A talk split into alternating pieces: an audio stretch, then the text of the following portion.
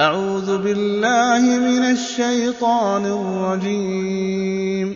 بسم الله الرحمن الرحيم.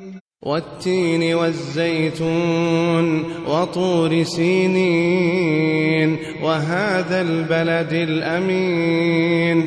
لقد خلقنا الإنسان في أحسن تقويم.